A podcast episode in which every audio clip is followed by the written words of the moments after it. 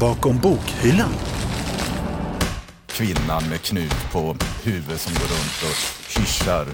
Så att det är ju den schablonbilden man spelar mot tror jag mycket i den här populärkulturen också. Att man vänder på det, man sliter av sig. Så blir Stålmannen under. Og også at det er ganske langt ifrån en slags uh, fördomsfull bild av en bibliotekarie til en blodtørstig viking. Altså den Kontrasten mellom de to världarna kunde kanske inte varit större. Vad gör bibliotekarien när biblioteket är stängt? Kliver ur sin yllekofta och lajvar. Om du frågar de flesta människor vad de vill ha på teater, eh, så är det väldigt många som, du kan inte formulera det, men, men det, landar på sån barnteater för vuxna.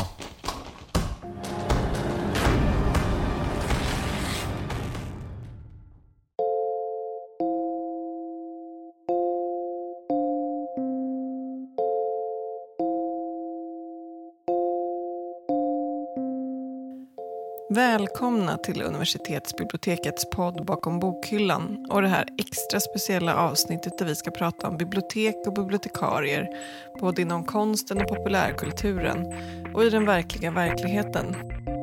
Med mig i vår för tillfället alldeles nya studio har jag två gäster.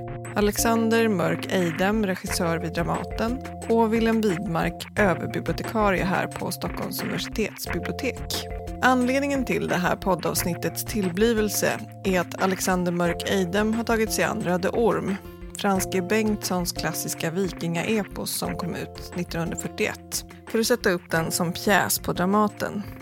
Alexander har både dramatiserat och regisserat den här klassikern och platsen där pjäsen utspelar sig är på ett bibliotek och karaktärerna är således bibliotekarier. Det blir ett samtal om kulturkvinnans starka ställning, hur man bäst lurar män till teatern, om bibliotekens identitetskris och så kommer vi att spräcka hål på klichébilden av bibliotekarien. Den här intervjun spelades in den 9 mars 2020, precis innan coronakrisen tog fart i Sverige. Premiären av den här pjäsen som skulle ske den 2 april blev alltså inställd då och det är anledningen till att avsnittet sänds först nu. Bakom bokhyllan produceras av Stockholms universitetsbibliotek och jag som leder programmet den här gången heter Julia Milder. Som vanligt hittar du all kontaktinformation, låtlistor och tidigare avsnitt på vår hemsida su.se bakom bokhyllan. Men nu börjar det. Frans G. Bengtsson fick en gång frågan vad han egentligen åsyftade med Röd Orm. Åh, oh, ingenting märkvärdigt, svarade han. Jag har bara velat skriva en läsbar bok utan alla litterära anspråk som folk inte får lust att kasta i väggen. Någonting i stil med Odysseen och de tre musketererna.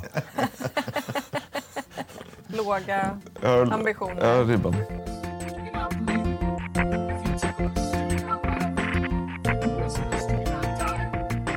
Jag tänker för de som inte har läst boken och inte har koll på boken nämnvärt, liksom, kan du snabbt rekapitulera liksom, handlingen ungefär? nu? Vad som händer? Eh, jo.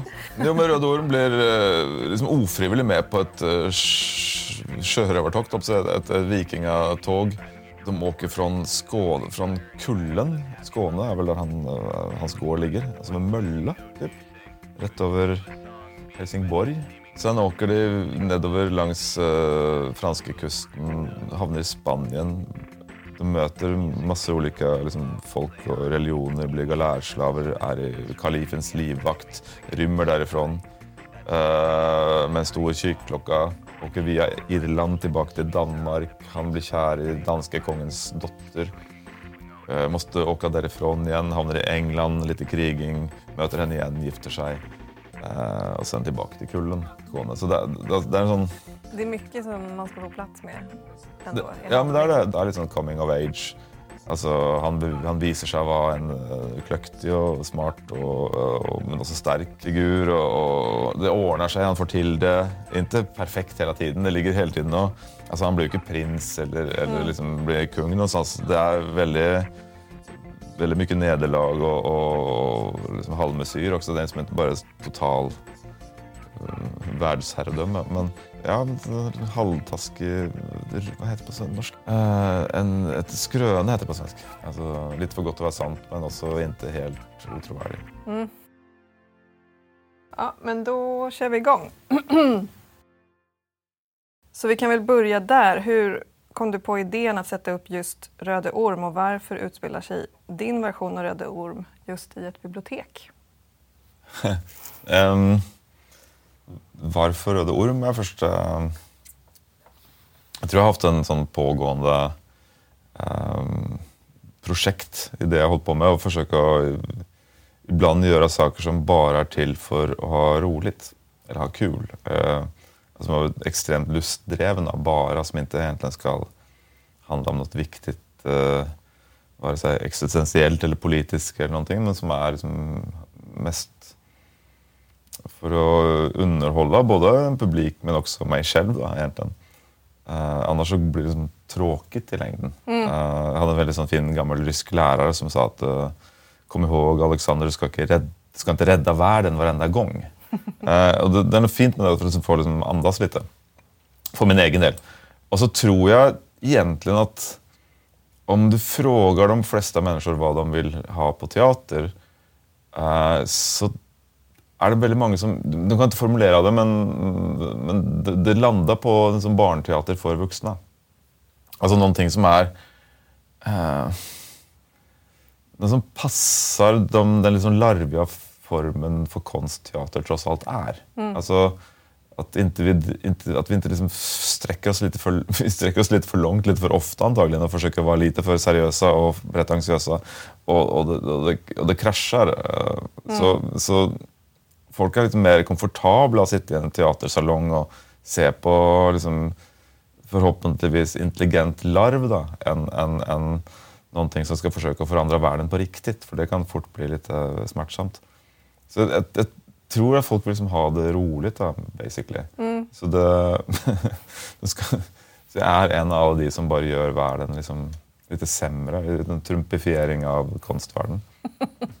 Men, men jag tror ändå att man har liksom, så länge man gör det som har lite växelverkan mellan seriöst och oseriöst så är det okej. Så det är det liksom, utgångspunkten för att helt att börja med sån bok. Inte för att boken är liksom oseriös i sig, för det är den ju verkligen inte, men tanken är på något att göra en rolig berättelse som folk tycker är kul att titta på.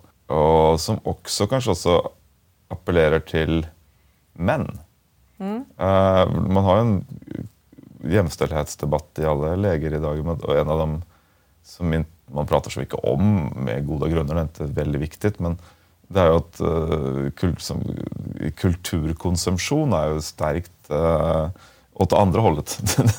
Den politiska och ekonomiska makten. Men kultur eller konsumtionsmakt är liksom, den, det är kvinnorna som sitter på den. Och männen går inte frivillig teater som oftast. Och där touchar ju Franske Bengtsson någonting. Alltså det är en historisk drama, historiska romaner kan man läsa, vi kan läsa historier, vi kan läsa biografier, vi kan läsa andra världskriget, hur mycket som helst. Så, så där omkring så har den en helt egen appell. Och vi märker det liksom på liksom biljettsalg och liksom folk som ringer för att intresserade i föreställningen, att det är liksom märkbart mer män plötsligt. Eh, nu är det inte säkert att de får det de vill ha kanske, men, eh, men vi lurar dem dit i alla fall. För det de får är ju inte liksom, en reell iscensättelse av liksom, det här episka verket. Eh, då det är omöjligt. Det är liksom en omöjlig text att göra på teater. Det är, de hoppar från land till land, är på båt större del av tiden.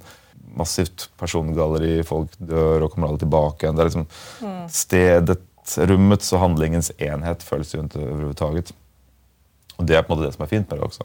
Så det går inte, tror jag, att göra en sån rättvisa på riktigt. Dessutom vill det sett väldigt konstigt ut och väldigt extremt kitschigt.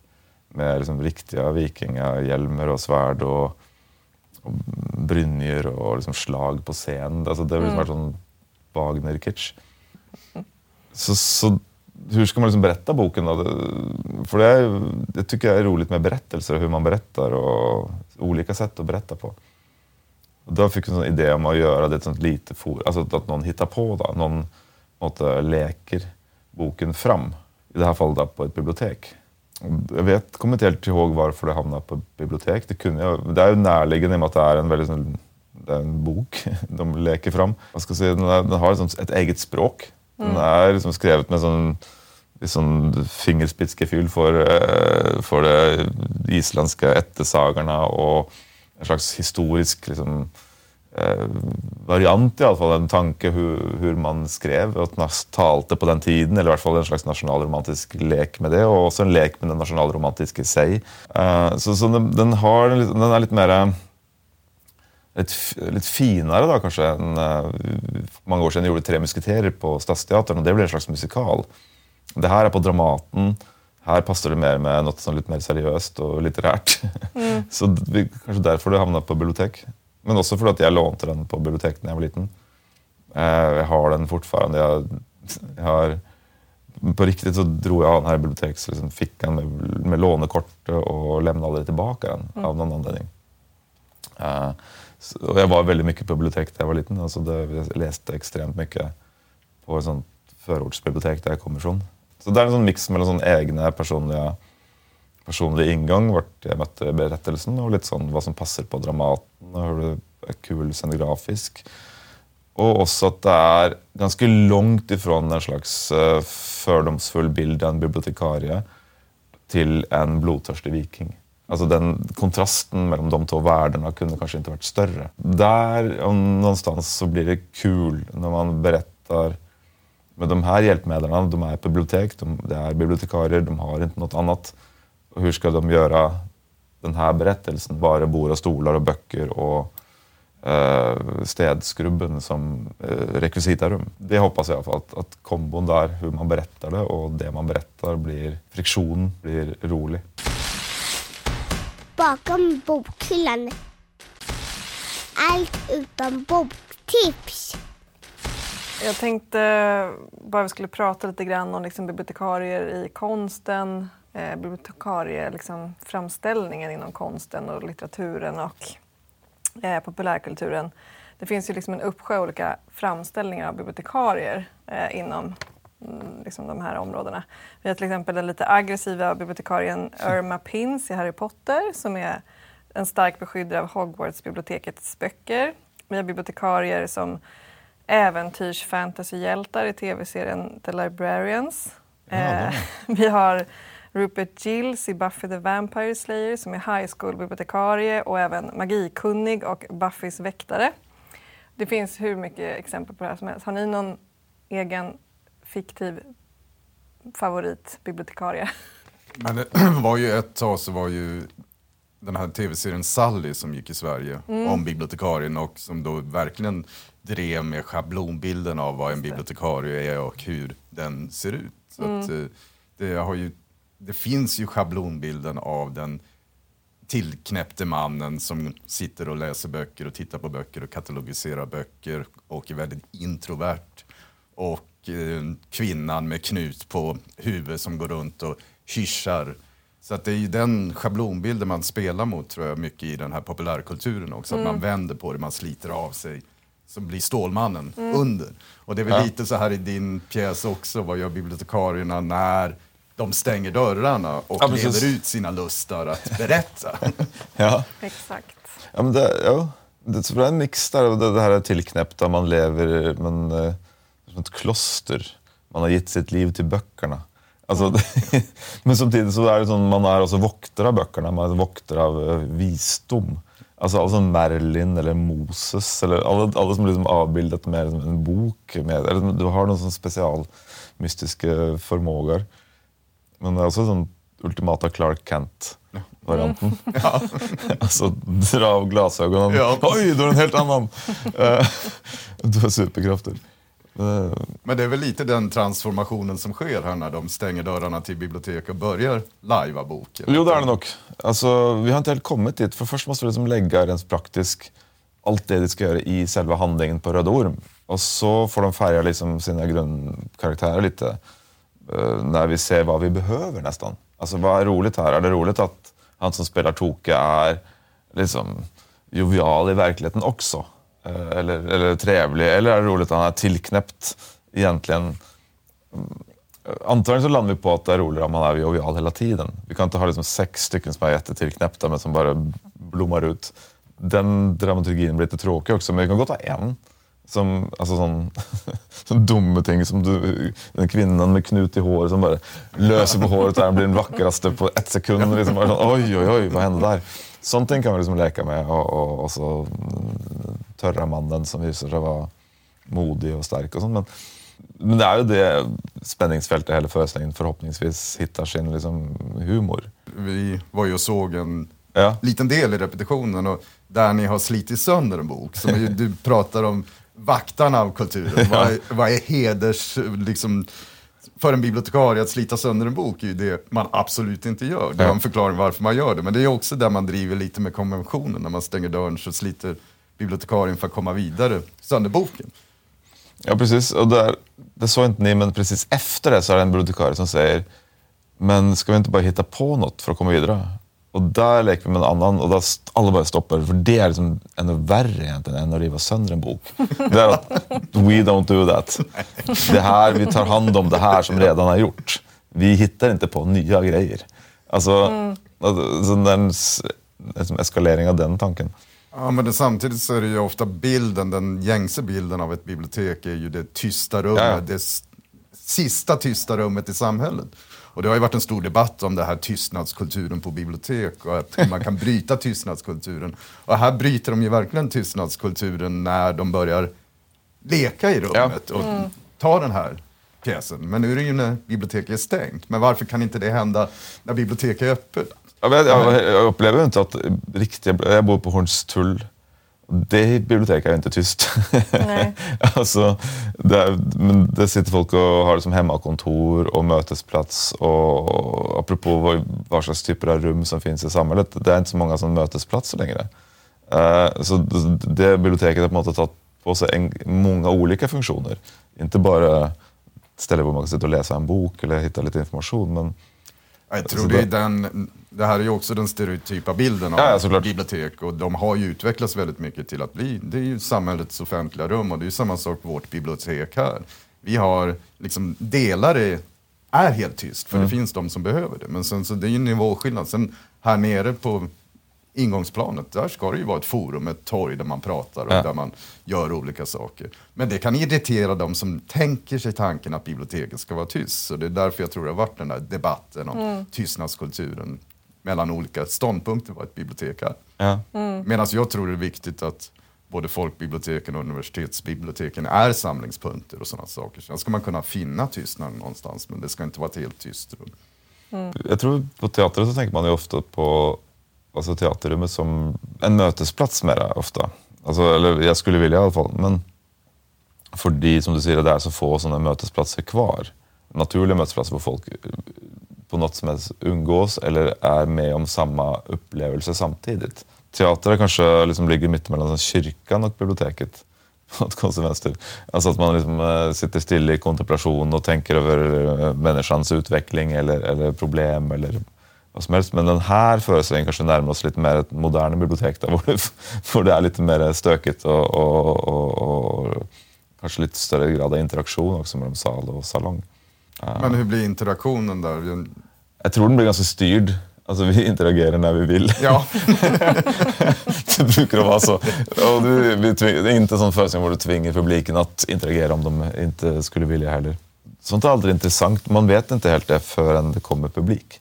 Så vi kommer att testa det här med publik innan premiär och så. Och då kanske det dyker upp ställen där folk involverar sig eller där det känns närliggande att göra det. Så då, det gäller på något sätt att vara så pass mottaglig för sådana impulser så länge som möjligt.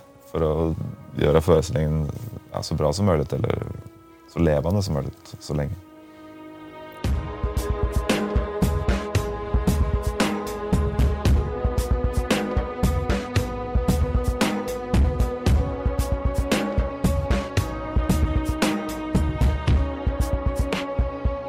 Jag tänkte bara att vi skulle liksom problematisera bilden av bibliotekarien lite grann.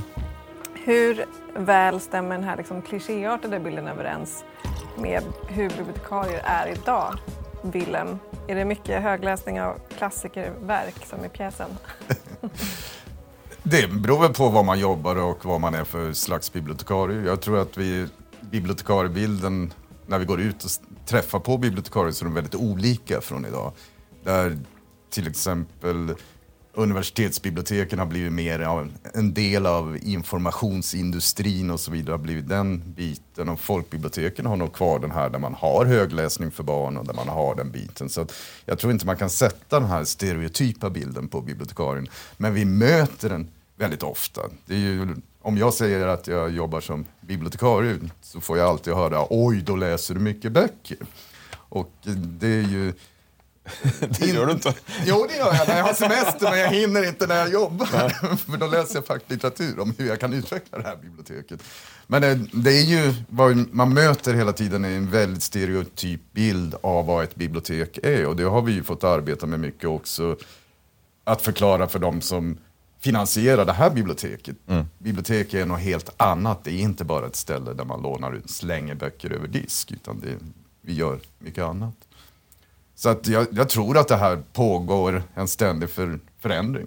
Och att, men det finns någonstans i bakhuvudet en bild som inte passar de lajvande bibliotekarierna som liksom sticker iväg och leker boken. Den bilden har inte vanligt folk av bibliotekarier tror jag. Eller de flesta ser nog oss som en stel introvert typ som sitter och läser böcker.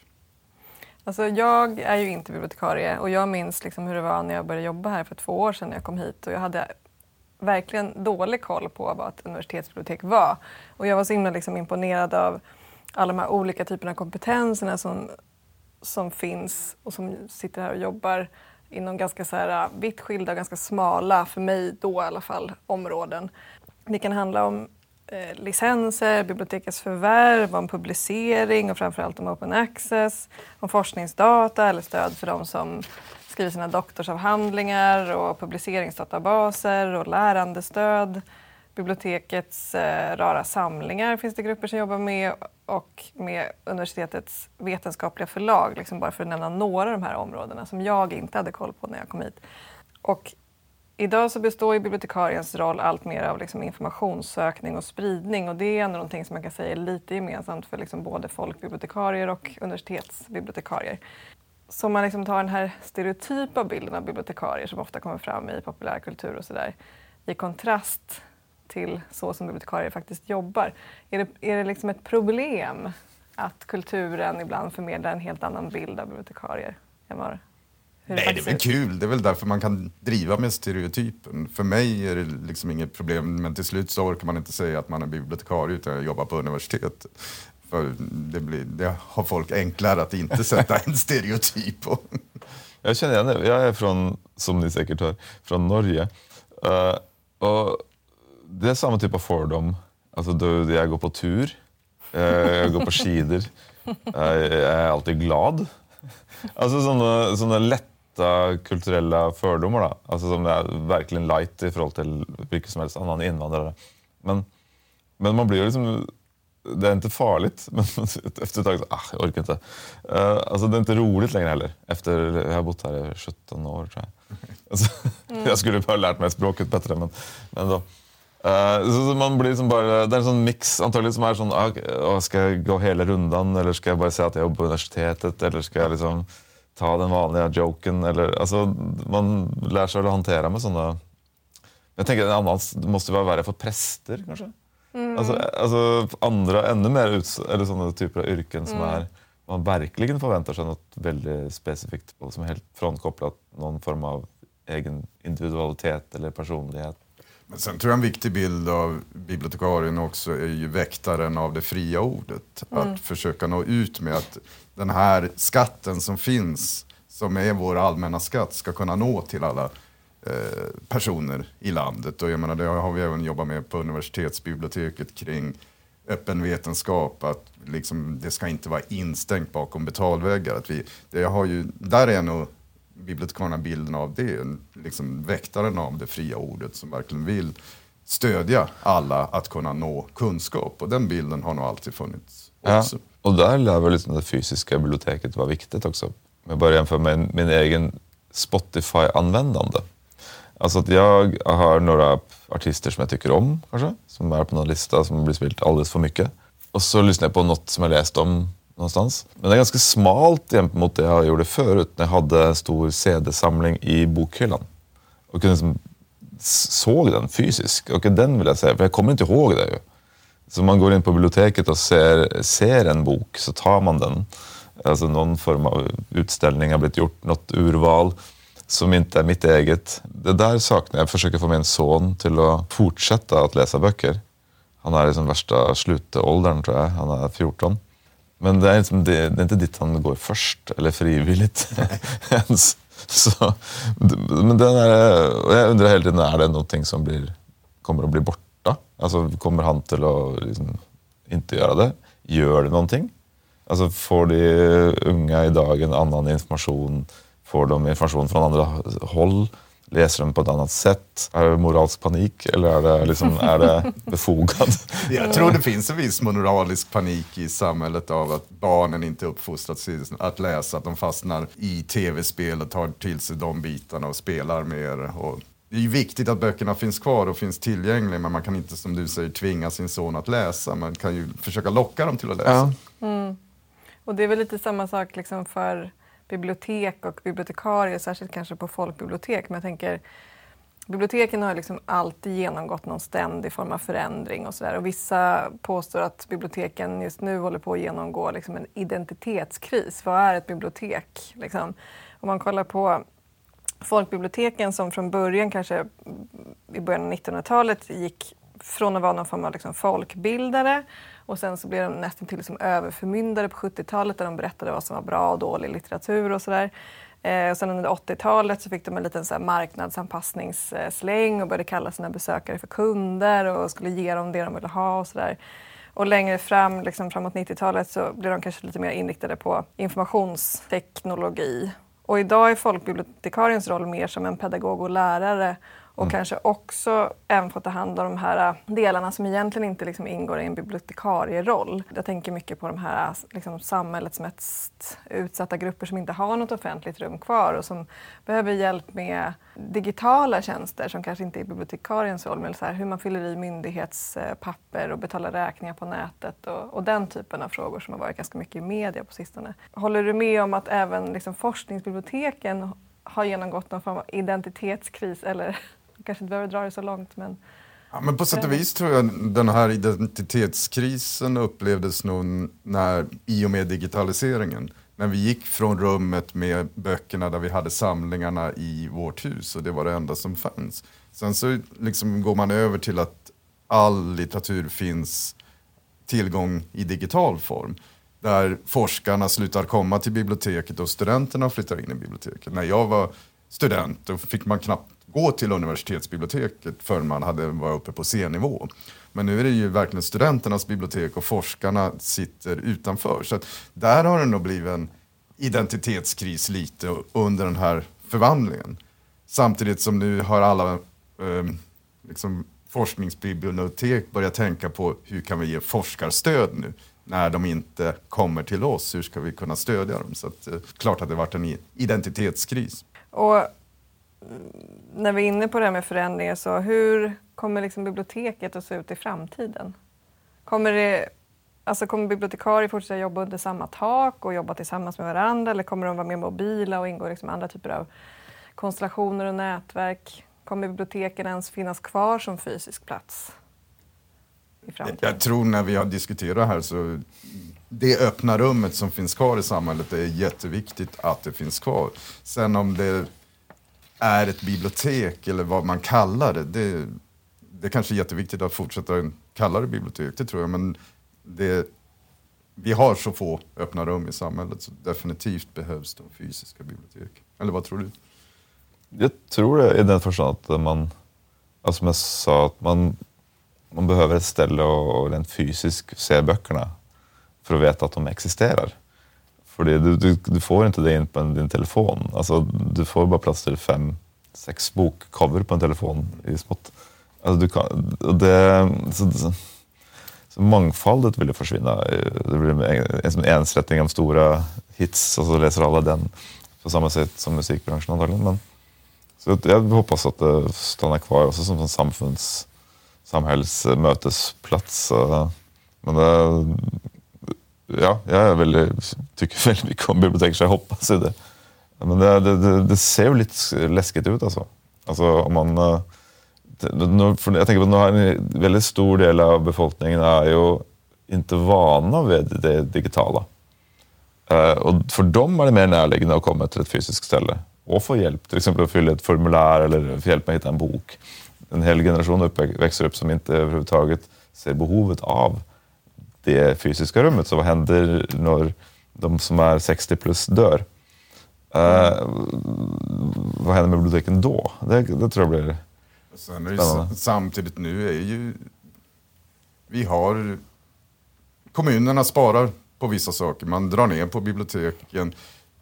Frågorna blir lite politiserade också. Politikerna lägger sig i. Vad är biblioteken? Ska bara svenska medborgare få kliva in i biblioteken? Sådana tankar finns det. Så att det, det är liksom... Ja, i vissa extrema grupper. Men det, nog är biblioteken utsatt och det är ju då viktigt någonstans att försöka finna det här gemensamma rummet, att få det att fortleva. Jag tänker att så vår föreställning är en slags hyllest till biblioteken också. Som en, sån- som en sån men, alltså nostalgisk, eh, men en skattkista. Allt finns där. Liksom. Det finns ingenting som inte... Ja, allt, ursprunget till allt är här inne. Och sen uh, uh, kom ihåg det. Liksom. det. Det är på en måte eh, uh, grunden för föreställningen. Men, så, så jag hoppas och räknar med att det vill finnas i någon form. Alltså. Vi har samma problem med teater egentligen, som en slags väldigt ja, gammalt sätt att kommunicera på. Det genuina med teater, alltså den genuina nu Känslan alltså känslan att det händer här och nu framför en publik, och att man gärna vill uppleva det ihop med någon annan i kontrast mot att sitta hemma och se på någonting ensam på Netflix. Alltså, det känns som om den fortfarande har en dragning, dragningskraft och att det är någonting som folk vill göra, uppleva saker ihop. Jag tror liksom att det också kan vara en sorts överlappande effekt på biblioteken och de här offentliga mötesrummen. Sen skillnaden då mellan eh, biblioteken och till exempel Dramaten är Ja. att det är ju fritt inträde på biblioteket. Medan kanske Dramaten, vissa, alla kan inte gå på Dramaten Nej, det- för de inte- har nej. inte råd. Det är finkulturen som man får betala för Ja. medan biblioteken är både finkultur, masskultur där man faktiskt kan göra de här upplevelsen gratis för alla. Vilket är jätteviktigt för Extremt biblioteket. Ja. Det är roligt det med, alltså, hur, apropå moralsk panik och hur tiden går och vad som är, händer. Alltså, jag läste um, några avisartiklar från tidig 1900-tal, 20-talet i Norge dock, men jag tror det är samma sak gäller här. Var liksom insändare på insändare debatterar eh, hur ska vi få de unga att gå i teater? Alltså samma problematiken som liksom håller på med alltid, har alltid, vi har alltid hållit på med. Det har aldrig varit någon ung i teatret. Hur ska vi få studenterna att komma det? Men De går inte. Hur ska vi få de unga vuxna? Nej, de gör inte. De har annat för sig. Det, är, det känns som det har varit för barn och för folk som är färdig med barn. Eh, där är vårt publika grundlag. Men vi har ändå ungdomsbiljetter som det kostar mindre då än en uh, biobiljett. Ja. Eh, Så, så sånt sätt så borde det inte vara något problem eh, för de flesta. En fråga som vi var inne på förut, om det liksom finns eh, problem med hur bibliotekarier eh, liksom gestaltas och sådär. Men kan det vara tvärtom? Att hur man framställer bibliotek och bibliotekarier liksom inom konsten och litteraturen och populärkulturen kan hjälpa biblioteken på något sätt?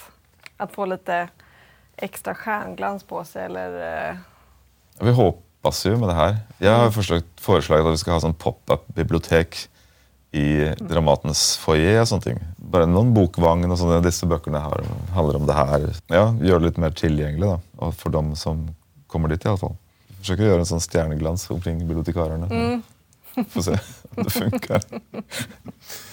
Nej, jag tror det, biblioteken har en, ingen problem att fylla sina rum. Det är inte tomma rum, det är ingen flykt från biblioteken. Jag tror att vi säljer oss själva. Sen att det pratas om bibliotek, att man gör pjäser där biblioteket är rum, det är ju bara en fördel.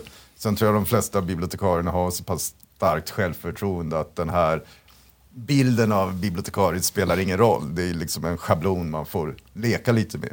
Det är roligt med alla sådana Alltså, om man försöker skildra en viss eh, yrkeskår eller någonting så det är ingen som stämmer.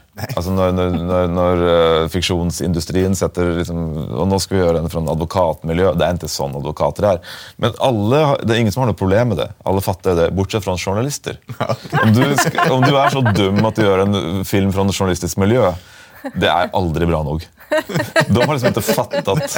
Journalisterna har inte fattat. De tar det personligt. Alltså, Nej, sån är det inte på en nyhetsredaktion.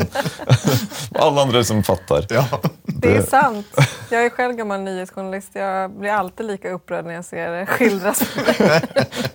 Men det är liksom ingen, är sjuk, det är läkare, bönder, eh, bibliotekarier. Alla får lida under en fördomsfull blick. Säkert också regissörer. Oh ja, och skådespelare. Och skådespelare. Ja, vi, men vi, har, vi, har, vi får göra oss med oss själva. Så det är lite mer som självironisk inställning antagligen. Eh, Så, men det är, det är också som oftast nidbilder. Jag tror. Men tror ni på något sätt um, biblioteken liksom genomgår en, säg att biblioteken genomgår en massiv förändring liksom de närmaste åren eller närmaste decenniet eller så. Kommer bilden av bibliotek och bibliotekarier också förändras då inom konst och kultur? Det kommer nog vara en väldigt lång eftersläpning innan den här stereotypa bilden av vad bibliotek och bibliotekarier är. Innan den förändras. Säkert, för det, ja, som oftast är det det. Men det är klart att om det är en hel, flera generationer av barn som inte har upplevt den tanten med glasögon i kedja som säger Shh! Alltså, det är liksom, då fattar de inte vad det refererar till ens. Eh, de har aldrig någonsin upplevt att bli hyschat på, inte heller i sina egna klassrum. Men, så, det, så det är en sån konstig värld.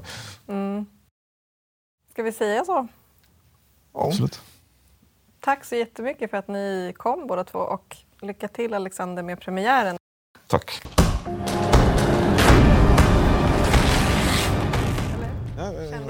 Har vi pratat jättelänge? Jag pratade en sån monologisk. Nej, men jätte... Nej, det var ingen fara. intressant.